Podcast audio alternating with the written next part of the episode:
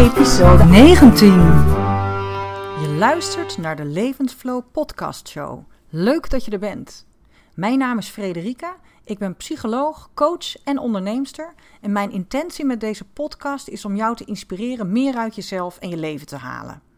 Ik neem je mee in ervaringen, ontdekkingen en verwonderingen over het leven. Mooie verhalen, grappige anekdotes, sprankelende interviews en wijze levenslessen. Ik wens je veel luisterplezier. Inspiratie, motivatie, fun, flow. De Levensflow Podcast Show. Welkom bij weer een nieuwe aflevering van de Levensflow Podcast Show in de serie Krachtvrouwen. En ik heb hier aan tafel Martine van Leeuwen. En uh, Martine die neemt ook deel aan het programma Leiderschap, Lef en Levensflow. En ik vind het waanzinnig leuk om uh, met Martine aan tafel te zitten. Omdat zij een aantal um, hele belangrijke keuzes heeft gemaakt. Ook wel tijdens het, uh, het traject hè, wat wij met elkaar in zijn gegaan. Mm, ja. En ik denk dat het heel inspirerend is om te vertellen, nou ja, eigenlijk zo'n beetje waar ze vandaan komt, welke uh, belangrijke momenten in haar leven een rol hebben gespeeld in de keuzes die ze gemaakt heeft en ook wel in de keuzes die ze nu gemaakt heeft. Um, en dan gaat het vooral over het van het hoofd naar het hart gaan leven, denk ik. Dat dat uh, de rode draad is, volgens mij, in het verhaal wat jij te vertellen hebt. Um, je gaf aan een beetje nerveus te zijn. ja. En dat is helemaal oké. Okay. Welkom, superleuk dat je er bent. Dankjewel. En uh, we gaan er gewoon een leuk gesprek van maken. Leuk? Ja, spannend. Ja. Hey, um, we hadden het net al eventjes in de voorbespreking van wat zijn nou interessante, leuke dingen om te vertellen. En toen kwamen we erop uit dat het eigenlijk gewoon wel heel leuk is als je gewoon eerst eens begint met wie ben je en ook een beetje waar kom je vandaan. En nou ja, we kijken wel waar het heen gaat, maar misschien is dat een leuk begin. Ja, oké. Um, nou, ik ben dus uh, Martina. Ik uh, ben 41 jaar. Ik ben getrouwd met Chris. We hebben twee kinderen. Uh, zoon van bijna 11 en een dochter van 9. Ik woon in Haarlem. En ik ben opgegroeid in Heemstede. Dus in de buurt, zeg maar. Ja. En, ja. ja. En um, hoe was dat? Je een gelukkige jeugd? zijn ja. daar al belangrijke dingen gebeurd? Nou, ik heb, ik heb een hele gelukkige jeugd gehad. Ik um, zat op school in, in Heemstede. Um, ik was als kind uh, heel rustig, wel echt verlegen ook, gevoelig. En ik was altijd bezig met tekenen en knutselen en lezen. En mm. ja, dat waren echt wel dingen die ik uh, tijdens mijn basisschoolperiode in elk geval dagelijks deed. En ja, want dat vertelde je net en dat, en dat vond ik ook, ook heel mooi. Want je vertelde ook wel van, nou ja, ik vind het wel spannend zo'n podcast. Ik ben van nature niet iemand die voor op het podium hoeft te staan. Ik ben best wel, uh, als kind was ik verlegen. En, en je vertelde inderdaad net zo over dat tekenen en schilderen en schrijven. Want wat bracht jou dat destijds? weet, je dat nog? Heel veel plezier vond het gewoon heel erg leuk om te doen. Het ging, uh, het ging vanzelf. Ik schreef ook eigen boekjes en dan tekende ik er tekeningetjes bij. Of als ik een, een boek had gelezen, dan ging ik daar zelf illustraties bij bedenken. Want soms stonden die dan niet meer in het boek en dan ging ik het zelf tekenen. Ik was toevallig van een week met mijn zoon in de bibliotheek en toen zag ik een boek staan dat heet De Kinderkaravaan ja. van Anne Rutgers van der Loef. Dat heeft toen ik kind was heel veel indruk op mij gemaakt. En dat was dan typisch zo'n boek waar ik dan zelf de tekeningen bij ging maken. Dus dat ik de, die kinderen helemaal voor me zag. En, ja, mooi. Dus toen visualiseerde je eigenlijk al. Ja, eigenlijk wel. Ja. ja, ja. En, en waar ging dat boek over? Waar maakte dat zo'n indruk? Ja, ik heb het dus weer meegenomen, want ik moest ook nadenken. Het ging in elk geval over, volgens mij, een, een gezin zonder ouders. Dus kinderen, um, zeven kinderen volgens mij, die een hele ruige tocht maken door de bergen uh, om ergens aan te komen. Nou, heel uh, heftig ook wel. En het schijnt dat het ook gebaseerd is op een echt gebeurd verhaal. Dat las ik tenminste nu pas. Dat wist ik ah, helemaal niet. Ja. Maar ik heb het dus weer meegenomen om weer te gaan lezen. Omdat ik uh, ja, weet dat het veel indruk op me heeft gemaakt. Ja. Maar niet meer precies waarom. Ja. En misschien dat je daar door het weer te herlezen of voor te lezen misschien wel uh, weer... Ja. Het is wel leuk eigenlijk, hè? Omdat dan nu is door de volwassen ogen, door je volwassen ogen te gaan ervaren. Ja. ja. En ook met je volwassen hart. Want misschien dat je dan, als je dat leest, dan wel denkt: oh jeetje, dat heeft toen dus al heel veel indruk gemaakt. En ik snap dat misschien wel. Of nou ja, weet ik wat. Het, is wel leuk om dat. Uh... Ja, dus ik ben wel benieuwd inderdaad wat dat dan, uh, wat dat dan is geweest. Ja. Ja. Nou, dat moet je me dan nog maar eens vertellen. Ja, als je het uit ja, dat is goed. nou, misschien is ook wel een aanrader voor um, ouders die nu zitten te luisteren, die een, een mooi boek uh, zoeken om voor te lezen. Ja, nee, zeker. En uh, ja, voor welke leeftijd is dat, denk je? Ik denk, uh, nou, mijn zoon is dus bijna uh, 11. Ik heb het zelf op basisschool gelezen. Ik denk dat het voor die leeftijdsgroep uh, gewoon heel goed. Uh, oh ja, ook om zelf te lezen eigenlijk. Ja, eigenlijk ja, wel. Ja, ja. ja. ja Oh, zo heb ik het ook gedaan toen. Ja.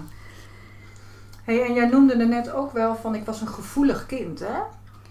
En is dat iets wat je uh, destijds ook wel als last, ja, last, ik denk dat je het, je, je zal niet het feit dat je gevoelig was destijds geïnterpreteerd hebben als last. Maar um, heb je, vond je het soms ook wel lastig, het leven um, als gevoelig meisje? Ja, dat vond ik wel lastig uh, op school. Ik zat in een uh, klas die best wel druk was en ik had er altijd wel uh, wat last van. Ik voelde me op een of andere manier er zelfs een beetje verantwoordelijk voor. Heel gek hoe dat werkt dan in je hoofd. En ik, um, ik wist natuurlijk niet, ja, daardoor voelde ik me soms een beetje anders. Dus ik was niet, ik wist natuurlijk helemaal niet dat ik gevoelig was. Ik heb dat woord er pas een uh, aantal jaar geleden voor mezelf aangegeven. Ja. Ook omdat ik zag bij uh, mijn zoontje toen hij naar, toen hij naar school ging. Uh, waar hij, dat hij dat ook lastig vond. En dat Ah, was een ja. spiegel voor mij. Dat ik dacht, oh kijk, dat was... Ik snapte hem helemaal. Want dat was precies wat ik ook... Want wat zag je bij hem voor struggle? Ja, dat hij het ook lastig vond om in een drukke klas je, uh, je plekje te vinden. En um, om jezelf daar te zijn. En uh, ja, je daar niet uh, door te laten, uh, van de wijs te laten Mm. brengen. En nou, het gaat hartstikke goed met, met hem op school hoor. Maar ik Mm. zag het in het begin zeker. dat hij veel ja, geluiden, indrukken, het kwam ja, wel iets meer binnen bij Mhm. hem dan gemiddeld. Ja. En dat was bij mij ook zo. Hey, en als je het dan um, ook in dit kader, um, uh, nou in de vorige podcast met, uh, met je eh, Floortje, die ook Ja. in de groep meedoet, vertelde ik ook in de introductie iets over um, mannelijke energie en vrouwelijke energie en mannelijke waarden en vrouwelijke waarden. Um, en ik ben wel benieuwd, ook in het kader van de gevoeligheid die jij beschrijft, want uh, we zijn veelal, denk ik, opgegroeid, denk jij ook in jouw tijd, in een periode. En ik weet niet of dat in jou, hoe dat in jouw gezin was, maar in ons gezin was ratio belangrijk, prestatie. Uh, er was veel meer ruimte en uh, er werd veel meer aandacht besteed, wat ik dan toch wel noem die mannelijke energie of die mannelijke waarden. Um, in het schoolsysteem zie je dat ook, dat we veel bezig zijn met je moet leren, rekenen, taal, heel echt met dat hoofd werken. Um, en als je heel gevoelig bent, dan, dan ben je eigenlijk, gedij je in vaak beter, naar mijn idee, in wat meer vrouwelijke energie of een omgeving waarin vrouwelijke waarden wellicht uh, uh, meer ruimte krijgen. Vanuit dat licht bezien, hoe kijk jij dan, hoe was dat voor jou? In, je, wat voor, in wat voor gezin ben jij opgegroeid qua, nou ja, was daar ruimte voor die gevoeligheid? Ja, ik was wel uh, ja, wat ik zei, ik was thuis altijd wel creatief bezig. Daar was ook ruimte voor en dat was ook prima. Maar met um, bijvoorbeeld studeren, um, ja, het was wel, dat werd wel gestimuleerd. Ik heb nog ook wel nagedacht, ja, dat ben ik trouwens ook uh, alleen maar heel blij om. maar bijvoorbeeld met, met werken, ik heb wel gemerkt, dat is ook wel, maken we even een hele grote sprong naar hoe ik uh, bij jou terecht ben gekomen, dat de afgelopen jaren zo erg de nadruk heeft gelegen op die uh, ratio. Ja. Dus heel erg op het, het nadenken, het, het met, met je hoofd bezig zijn, het beredeneren uh, en het onderzoeken. En dat zijn ook dingen die ik ook heel leuk vind om te doen. Mm. Dus het past ook goed. Ja. Uh, maar daardoor is wel die andere kant, die meer de creatieve kant, die gevoelige kant, is ja, veel minder uit de verf gekomen. Ja. ja. Dus het mocht er wel zijn, zeg je, hè? als uh, kind mocht ik tekenen, schilderen. Was dat ook altijd of was dat op een gegeven moment tot een bepaalde leeftijd? Of Dat hoor je dan ook nog wel eens, hè? Dat, dat je als kleinkind, dat, dat mag dat er allemaal zijn. Maar op een gegeven moment moet er dan gewoon, misschien op de middelbare school wel, ik weet het niet, of daarvoor al, moet er toch wel gewoon ge, cij- goede cijfers gehaald worden. Of was dat, viel dat wel mee? Nou, dat viel wel mee. En die, eh, dat, dat gebeurde eigenlijk sowieso wel. Want ik was heel eh, ehm, zelf ook bezig. Ik wilde het graag heel goed doen. Ik wilde zelf ook eh, graag goede cijfers halen. Dus daar hoefden mijn ouders eigenlijk helemaal niet zo heel erg Oh. op te sturen. En ehm, het is meer dat ik zelf eigenlijk dat langzamerhand heb losgelaten. Dus Ja. zelf steeds meer op die ehm, andere kant heb gefocust. En ja, veel minder op eh, creativiteit. Ja. Hey, en jij vertelde in ons, eh, je vertelde net al inderdaad over die ratio en dat denken en die nadruk daarop. En dat het ook absoluut een zegen is dat dat, dat kan hè, en dat je het ook leuk vindt. Maar je noemde ook eh, in het voorgesprek ehm, over jouw periode dat je bij de Universiteit Leiden werkte. Waar, je overigens een hele leuke tijd hebt gehad. Ja, zeker weten. Ja. En positief op terugkijkt. Maar daar vertelde je ook iets over, eh, nou ja, dat heeft wellicht ook wel te maken met te veel met dat hoofd bezig zijn. Ja, ik heb daar ehm, eh, in die periode eh, heel veel geleerd. Ik ben. ehm, Hoe oud was je eigenlijk toen je daar begon? Oeh, even denken hoor. Ik- eh, 2007, ik ben nu 41. Nou ja, eind 20 zo'n beetje. Ja, En ehm, ik ging aan het werk als PNO-adviseur daar. Ik vond het heel erg leuk. En ik in diezelfde periode ook ehm, eh, twee kinderen gekregen, dus vrij, vrij kort op elkaar. En een eh, v- verhuizing en een verbouwing, allemaal in redelijk korte tijd. En dat was eigenlijk te veel. En, ehm, maar ik had heel erg de drive van ik moet dat gewoon eh, gaan doen. Ik moet dat kunnen. Ik zag ook om me heen allemaal mensen die gewoon met een gezin vier of soms vijf dagen of meer werkten. En nou, ik dacht, ja, als zij dat kunnen, dan kan ik dat ook. En ik Oh, wil niet. is- eh, ja. Ik had best wel eh, een prestatiedrang drang in. Ja. Ik wilde graag mezelf bewijzen. En eh, ja, tot, tot ik op een gegeven moment wel merkte dat dat gewoon te veel was. En ehm, ja, toen ben ik ook een tijdje... Het was niet een burn-out, want dat, dat vind ik te zwaar. Ik voelde dat woord, trouwens maar- destijds als een soort taboe. Want ik- dit is iets wat ik natuurlijk in mijn praktijk zoveel tegenkom. Die vrouwen die al die ballen hoog houden. Maar ook de boodschap die ze zichzelf geven. Ja, dat moet ik allemaal maar kunnen. Hoeveel vrouwen ik hier niet in de stoel heb zitten waarvan ik denk... Nou, jij kan elk moment gaan omvallen. Op zich hele krachtige vrouwen. want Juist omdat ze zo krachtig zijn, blijven ze maar doorgaan. Met het idee, ik moet alles kunnen. En die zegt, nee, maar dat gaat mij niet gebeuren. Ja. En dan gebeurt dat vaak toch. Ja, ik vond dat heel erg, ik vond het verschrikkelijk. Zeker omdat ik als PNO-adviseur natuurlijk ook te maken heb met een bedrijfsarts, met mensen die eh, omvallen. En ik zat opeens aan de andere kant, dus dat vond ik echt eh, helemaal niks. Eh, maar het is ook goed geweest, want ehm, Was op een gegeven moment dan op een gegeven moment een moment van no return, dat je echt niet meer anders kon? Hoe wist jij dat op een gegeven moment dat je aan de bel moest gaan trekken? nou, ik was gewoon heel, heel erg moe. Zo moe. Ik kon. het, eigenlijk al mijn energie die ging naar de. eh, daar, daar, naar de universiteit. Het was met de trein, dus een, eh, een stukje met de trein. En daarna liep ik dan daarheen. Dat kostte me al zoveel energie. En dan zat ik soms op het werk al te bedenken: hoe kom ik ooit weer terug? Ja? En dan moet ik ook nog mijn kinderen uit de crash toen halen. En ik, was, ik was gewoon heel erg moe. En dat merkte ik op een gegeven moment. Dat, dat ik dacht, ja, maar nu... dus ik, volgens mij heb ik toen mijn leidinggevende gesproken. En ik weet het niet meer helemaal precies. Maar dat was wel ja. ergens zo'n moment van... eh, ja, En, en dan kon je daar toen meteen aan overgeven of, of toegeven? Dat je zei, ja, dit- ik zie dit zelf ook. Of was er eerst nog verzet? Nee, heel veel verzet. Ik wilde het helemaal niet. Ik, kon, ik wilde gewoon echt graag door. En ik heb ook... ehm, ik ben uiteindelijk maar twee weken volledig thuis geweest. En ik heb, ben daarna weer begonnen. eh, met kleine stapjes, dus eh, halve dagen of minder.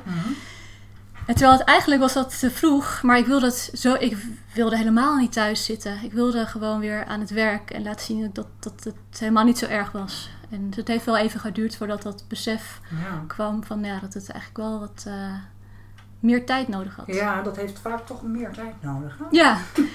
ja, en uiteindelijk is de nasleep ervan ook nog best wel lang geweest. Ook toen ik wel weer gewoon helemaal aan het werk was, toen, toen nog merkte ik wel dat het eh, soms, Ja. ja. Dat je misschien toch te snel weer eh, Ja, bent gegaan. nou uiteindelijk is dat helemaal goed gekomen. Maar misschien was het sneller goed gekomen als ik er toen aan het Mm. begin meer aan had toegegeven. Ja. Wat heeft er denk je toe geleid dat het zover is gekomen?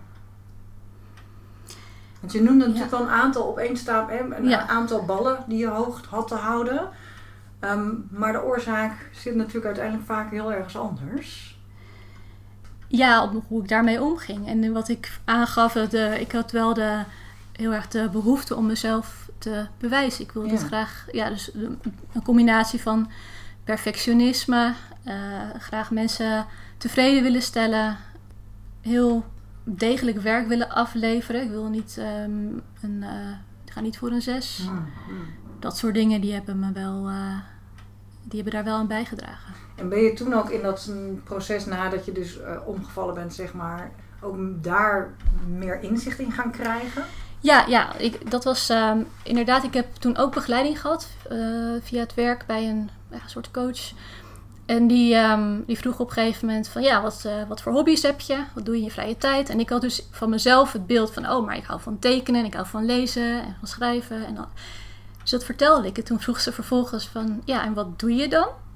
En toen dat was echt wel een eye-opener, want ik, Want deed deed, er niks ik deed helemaal niks en al heel lang niet. Terwijl ik in mijn hoofd had dat ik iemand was die dat soort dingen eh, Ja. wel deed. Heel Ja. gek. Je had een ander beeld van jezelf, Ja. van spreken. Het was wel onderdeel van jou, maar toen ze ernaar vroeg, kwam je erachter dat je dat helemaal niet meer praktiseerde. Of dat je dat helemaal niet...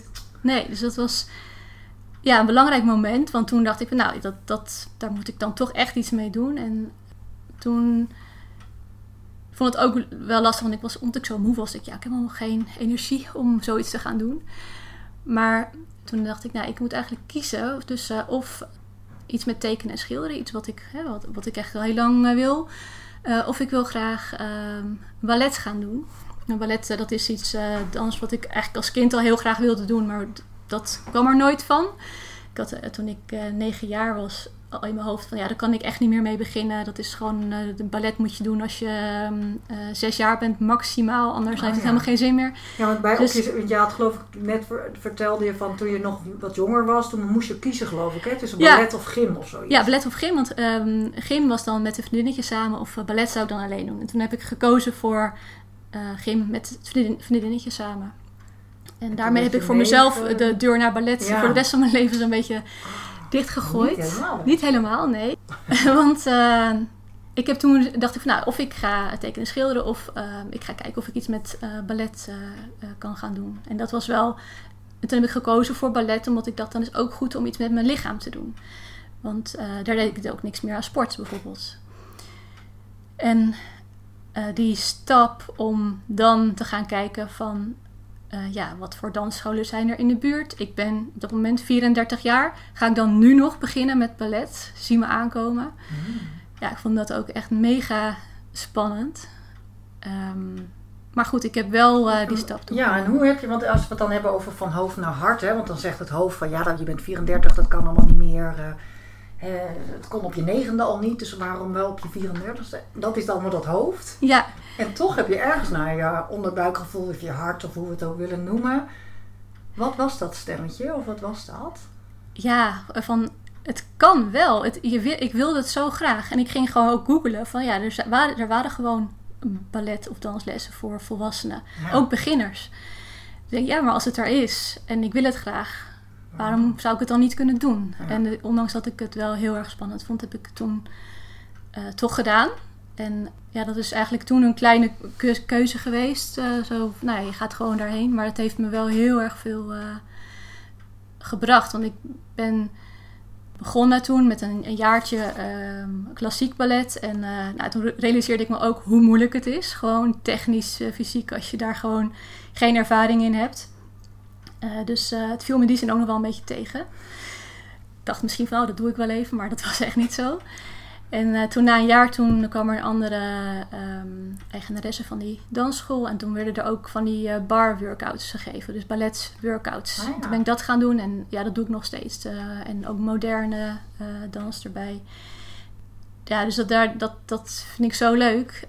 En plus dat ik ook nog, doordat ik dat weer ben gaan doen...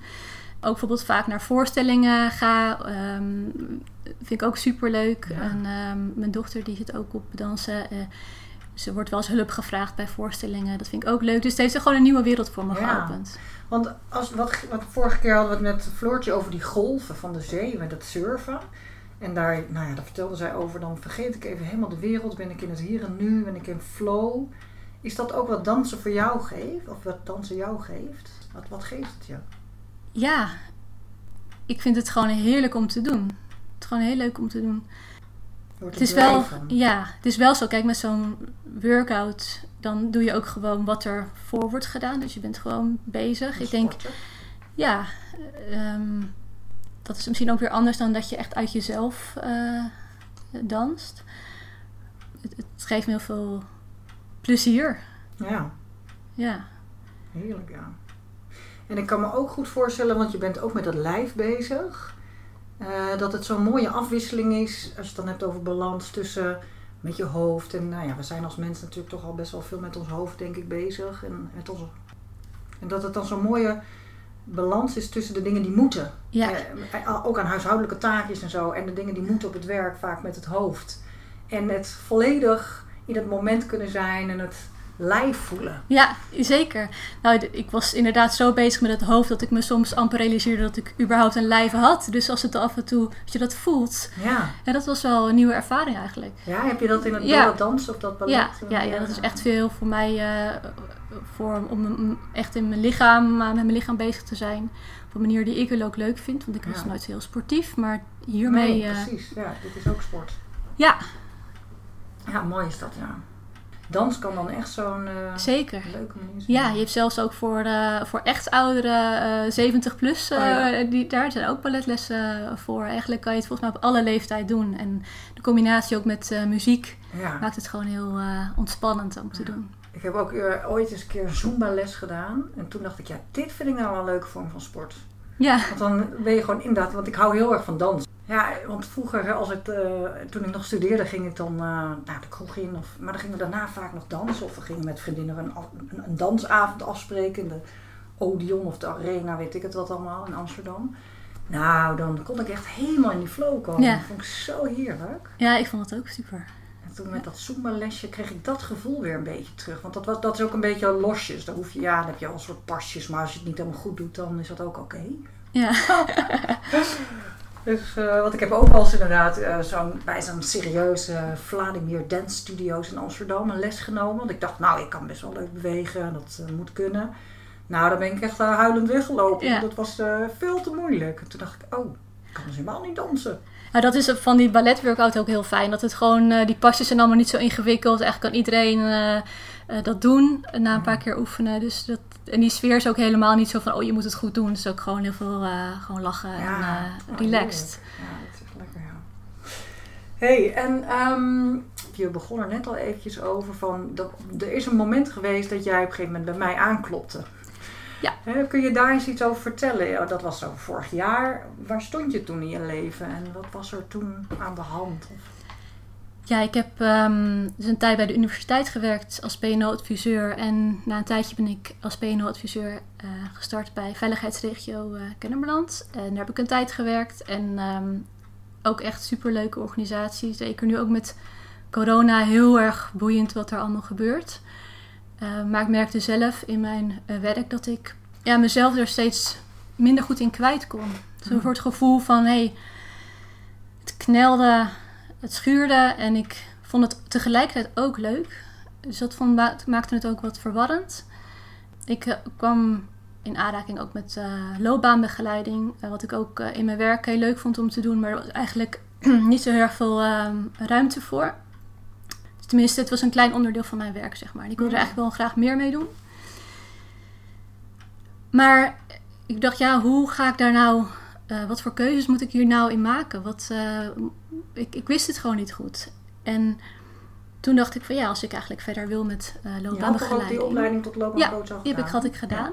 Ja. Uh, als ik daar verder in wil, dan is het misschien ook wel goed om zelf een keertje die stappen. Want eigenlijk met loopbaanbegeleiding gaat het om wie ben ik, wat kan ik, wat wil ik en hoe kom ik daar. om die een keer zelf goed te doorlopen. En zo ben ik gaan kijken van nou, hoe zou ik dat dan kunnen doen?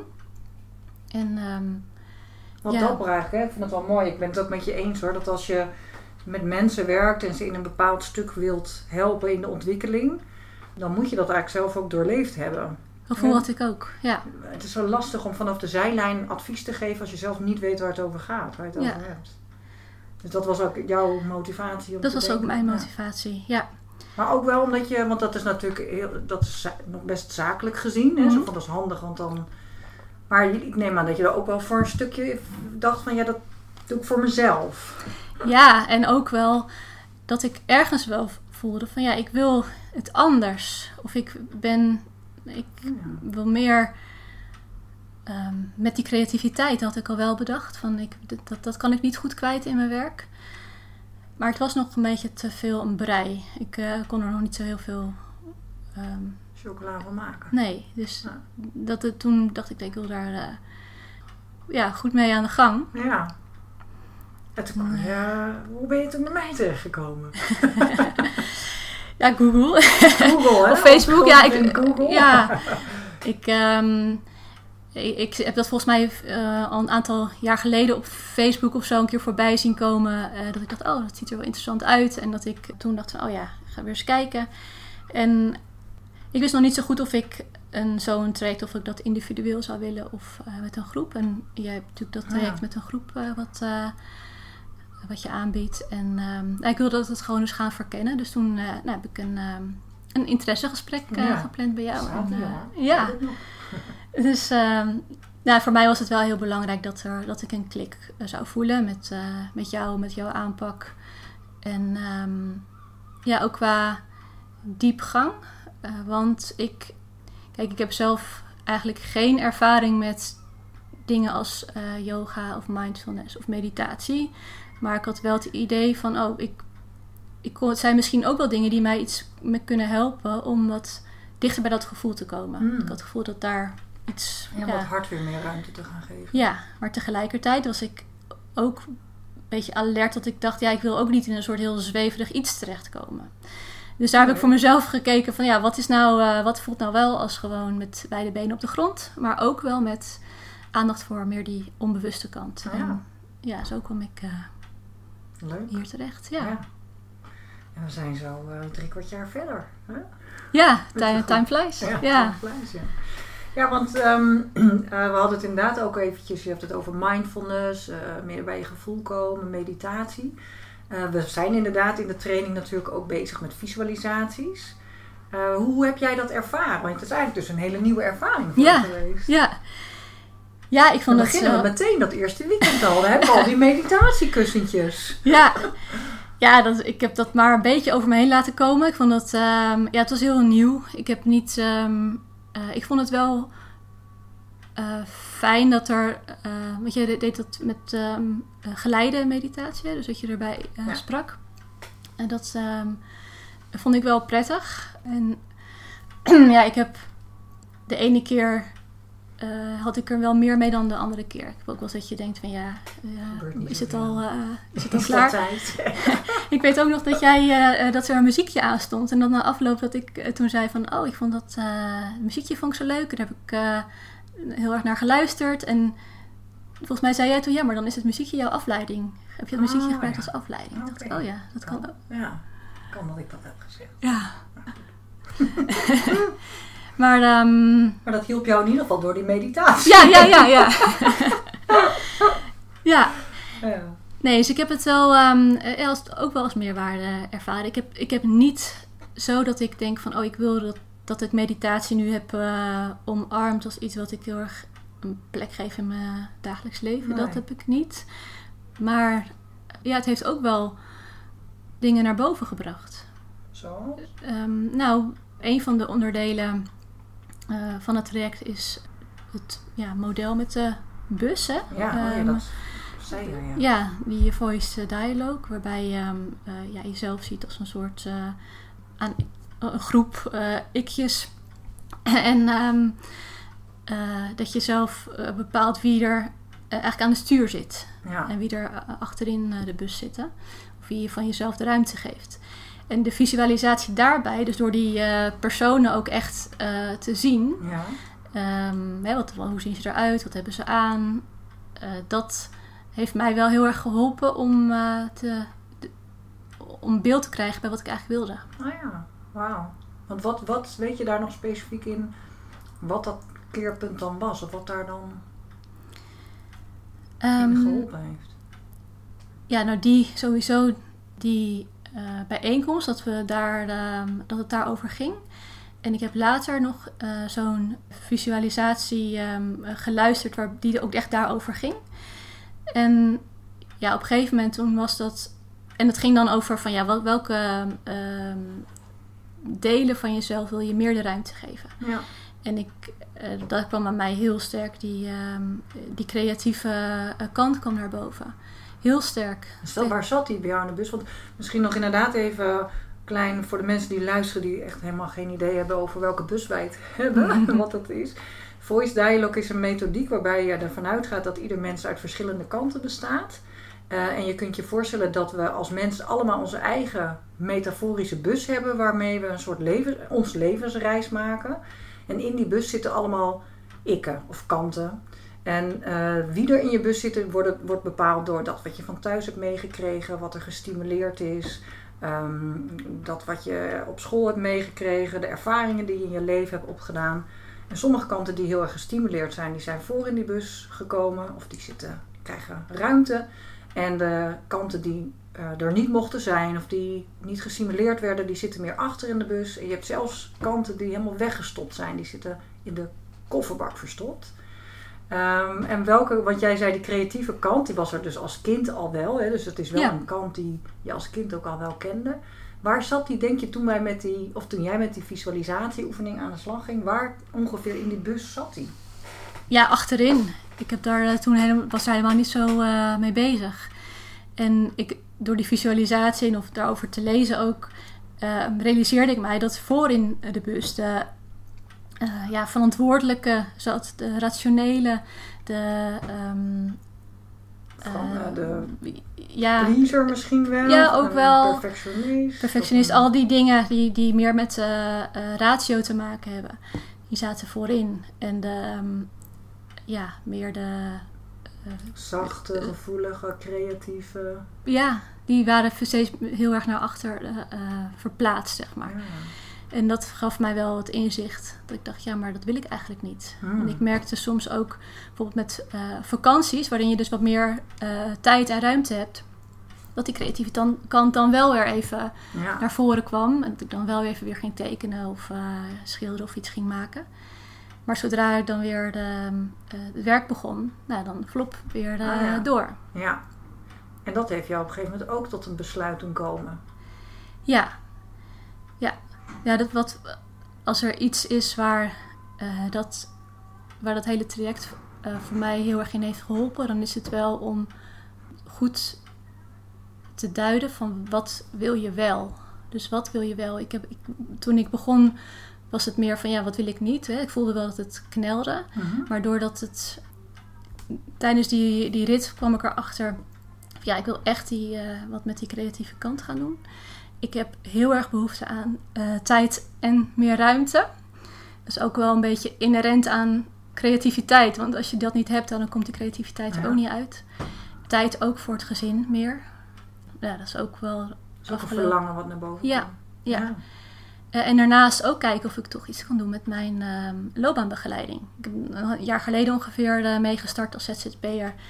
eh, naast mijn gewone werk. Maar dat, ja, dat is eigenlijk niet echt van de grond gekomen. Omdat ik ook ja, gewoon vier dagen werkte en genoeg andere dingen had. Dus ehm, om te kijken of ik daar wel wat mee kan doen. Ja.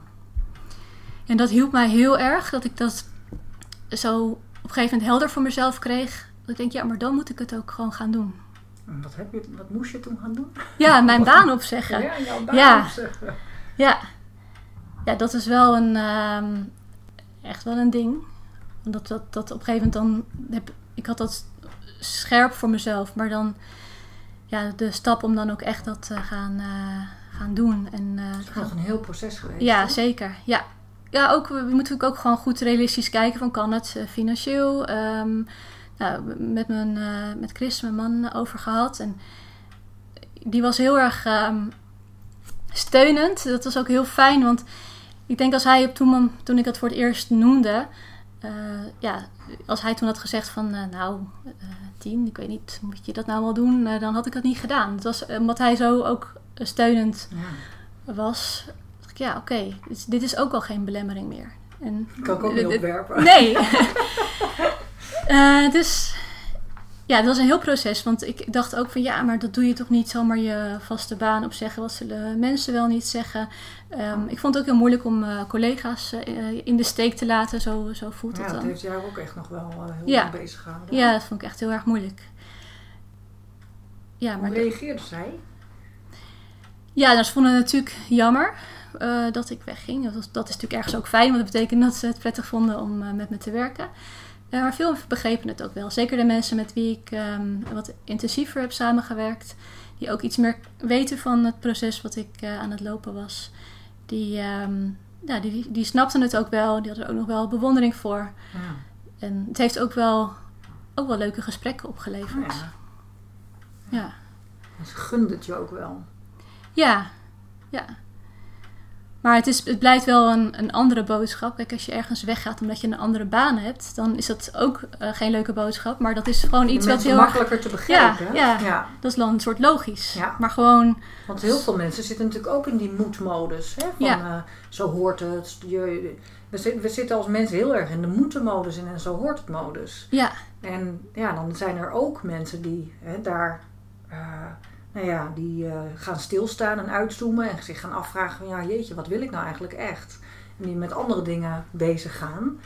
Ehm, en dan kan je inderdaad reacties krijgen van mensen die dat begrijpen, die, dat, eh, die dat, da- daar eh, je dat gunnen en daar zelfs misschien wel trots op zijn. En mensen die dat misschien wel eh, afkeuren of benijden zelfs, omdat ze zelf het gewoon net niet aandurven. Mhm. Ergens wel misschien een verlangen hebben, maar dat zo ver weggestopt hebben dat ze, ja, dat ze het ook heel moeilijk vinden om jou, blij voor jou te zijn of om het te begrijpen. ja. Ja, dat klopt. En ehm, ik heb wel eh, overwegend wel positieve reacties gehad, maar ik heb ook niet van iedereen reacties gehad. Het zou ook heel goed kunnen dat mensen die daar minder po- positief tegenover stonden ook gewoon niet hebben Ja. gereageerd. Ja. En ehm, ja, ik ben wel heel eh, blij dat omdat het, het maakt het voor mij makkelijker om te kunnen eh, uitleggen waar ik naartoe wilde. Dus de, om die, die verlangens die ik had, die wensen, om die te kunnen benoemen. En, want dat maakt ook de boodschap niet van ik wil eh, ergens vanaf bewegen, maar ik wil ergens naartoe bewegen. Dus een Mooi, klein- ja, een verschil. groot Nee, dat, ja, Maar dat ja, voelde heel een anders. klein verschil, maar dat is een heel wezenlijk groot verschil. Maar je noemt dat heel mooi inderdaad. Van, dat is voor, hè, ook voor de mensen die luisteren. Van wanneer je een keuze maakt, maak ik die keuze inderdaad omdat ik dat wat ik nu meemaak niet meer wil. En dat is een heel ander eh, Ja, gevoel dan wanneer je eh, naar iets toe beweegt wat je heel graag wilt. Ja. Echt een andere energie. ja, en dat maakte, dat, dat vond ik heel belangrijk ook in, de, eh, in het uitleggen, in het erover praten. Want anders, ja, mensen kunnen ook denken, ja, maar ze, wil niet meer met ons. Of eh, nee, dat is het niet. Ik wil, Ja. het, is andere, het zijn andere dingen die ik nu belangrijk vind. Ja. En, en ehm, ja, dus dat, dat, dat verlangen, hè, die rode stip, of in ieder geval dat, dat waar je nu naartoe wilt, of wat je ruimte wilt geven, is dus die creativiteit. En misschien ook wel dat, die praktijk voor de loopbaanbegeleiding, daar ben je ook nog over aan het eh, Ja. eh, nadenken. Hoe gaat dat dan? Hoe krijgt dat de ruimte? Ja, Die nou, creativiteit en al die. Nou, heel concreet heb ik me ehm, opgegeven voor gewoon een cursus tekenen en schilderen. Ook als stok achter de deur om dat weer echt op te pakken. Om echt eh, een aantal uren per week daar actief mee bezig te zijn. Ook om gewoon weer technieken te leren. Ik, ik heb wel in, ook in de vakantie weer getekend. En Ik zag Eh. mooie dingen voorbij komen. dankjewel. Ja, leuk. Ja, dus ik merkte ook meteen weer hoe leuk ik dat ook vind om te doen. En eh, we hebben thuis eh, een, ehm, een soort grijze buitenmuur. Eh, we hebben een, een pergola gemaakt en ik heb daar nu een soort eh, muurschildering eh, op gemaakt. Dat vond ik ook heel erg leuk om te doen. Dus ik merk wel meteen weer van, oh, ik vind het, dit geeft me wel echt heel veel plezier. Maar ik wil me ook graag er verder in ontwikkelen.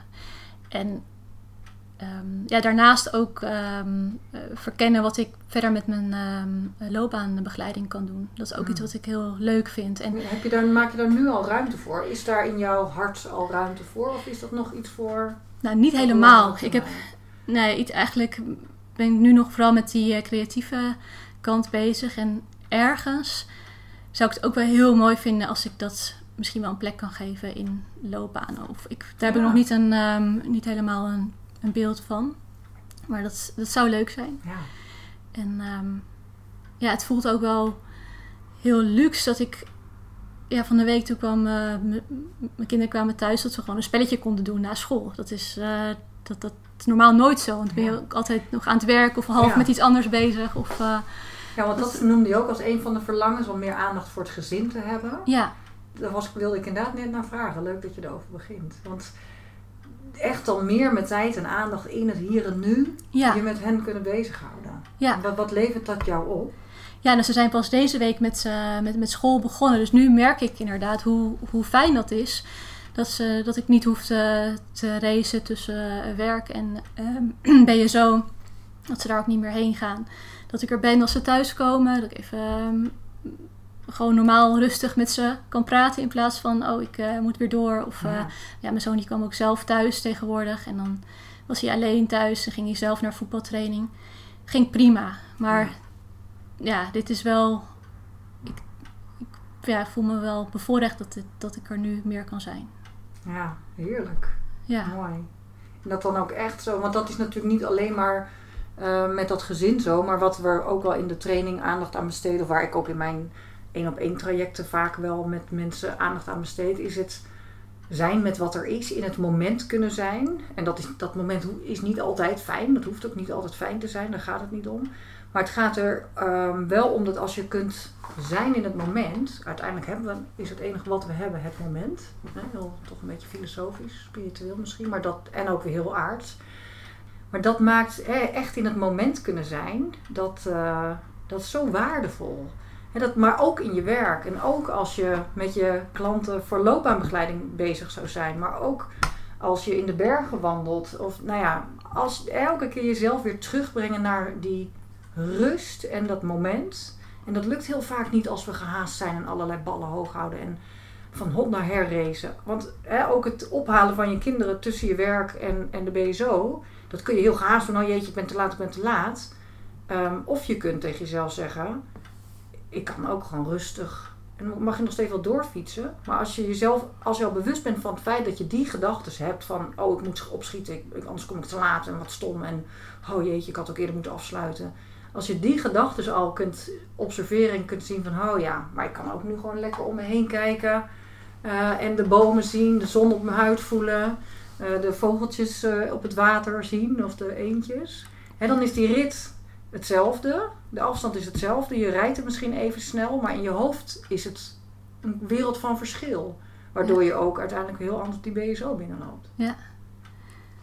nee, helemaal waar. Maar dat, Dat is dat iets ik- natuurlijk makkelijker op het moment Ja. dat je die ruimte meer, echt letterlijk meer hebt. Ja. En eh, misschien ook wel door die sabbatical nu te hebben en dat ook veel meer te gaan ervaren, ga je dat hopelijk ook eh, meenemen en met jezelf afspreken van als ik straks wel weer meer dingen ga doen hè, om geld te verdienen of eh, Ja. en natuurlijk, eh, die valkuil lopen we allemaal wel tegenaan. Het is ook niet zo dat ik de hele dag zen rondloop. Dat is natuurlijk onzin. Ik eh, ben af en toe zit het ook tot hier. En dan, uh, uh. Maar ik kan mezelf redelijk snel weer terugbrengen naar... Ho, stop, wacht. Ik kan die, dit op twee manieren doen. Ja. Ik kan helemaal vol mijn hoofd. En, of ik kan in het hier en nu zijn. En dat is dat soms ook niet... Hè, dat is niet altijd prettig. Maar het maakt dan een heleboel verschil als ik die rommel uit het hoofd... eh, niet zo serieus neem. Nou, ik hoop ook dat dat het me nog meer gaat opleveren. Dat is wel iets wat ik heel moeilijk vond toen ik aan het werk was. Ik, heb me daar, ik liet me er heel snel door eh, opslokken, helemaal. En ehm, ja, dat maakt dat je dan continu eigenlijk met de eh, volgende stap bezig bent. Dus eigenlijk helemaal niet in het moment kan zitten. Eh, dus ehm, ja, ik hoop dat, dat, eh, dat ik dat meer ga leren. Ja, ja dat gaat je echt eh, ook in je werk als loopbaanbegeleider heel veel mooie momenten opleveren. Als je Ja, echt een moment met die mensen Ja. kan werken. Niet alleen maar bezig bent, oh, er moet een resultaat of we moeten een beroep vinden of weet ik het. Ja, Maar het mag laten zijn. Ja. ja. ik hoop het. Ja. Ja. Ik, ik had nog eh, misschien mooi als afsluiter een vraag, want jij had eh, tijdens onze laatste eh, samenwerkdag met de groep, hè, de training, hebben we een hele mooie dag gehad waarbij we ieders persoonlijke vraagstuk gingen behandelen en met eh, behulp van ook voice dialogue, maar ook psychodrama en nou ja, situaties uitspelen en opstellen.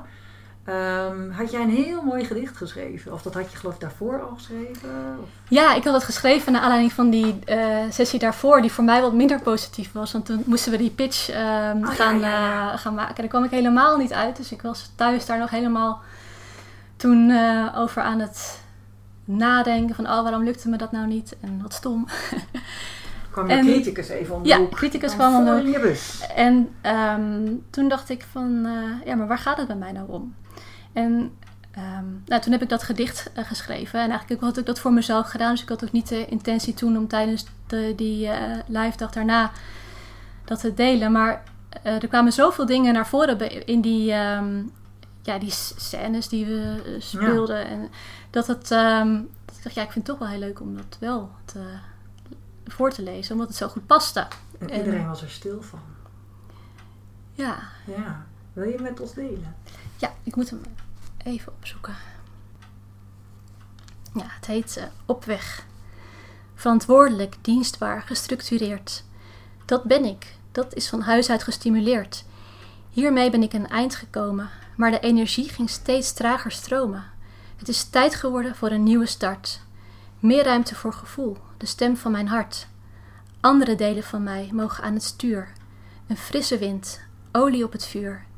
De tekenaar, de schrijver, de danseres, de dromer, de wijze, de dappere prinses.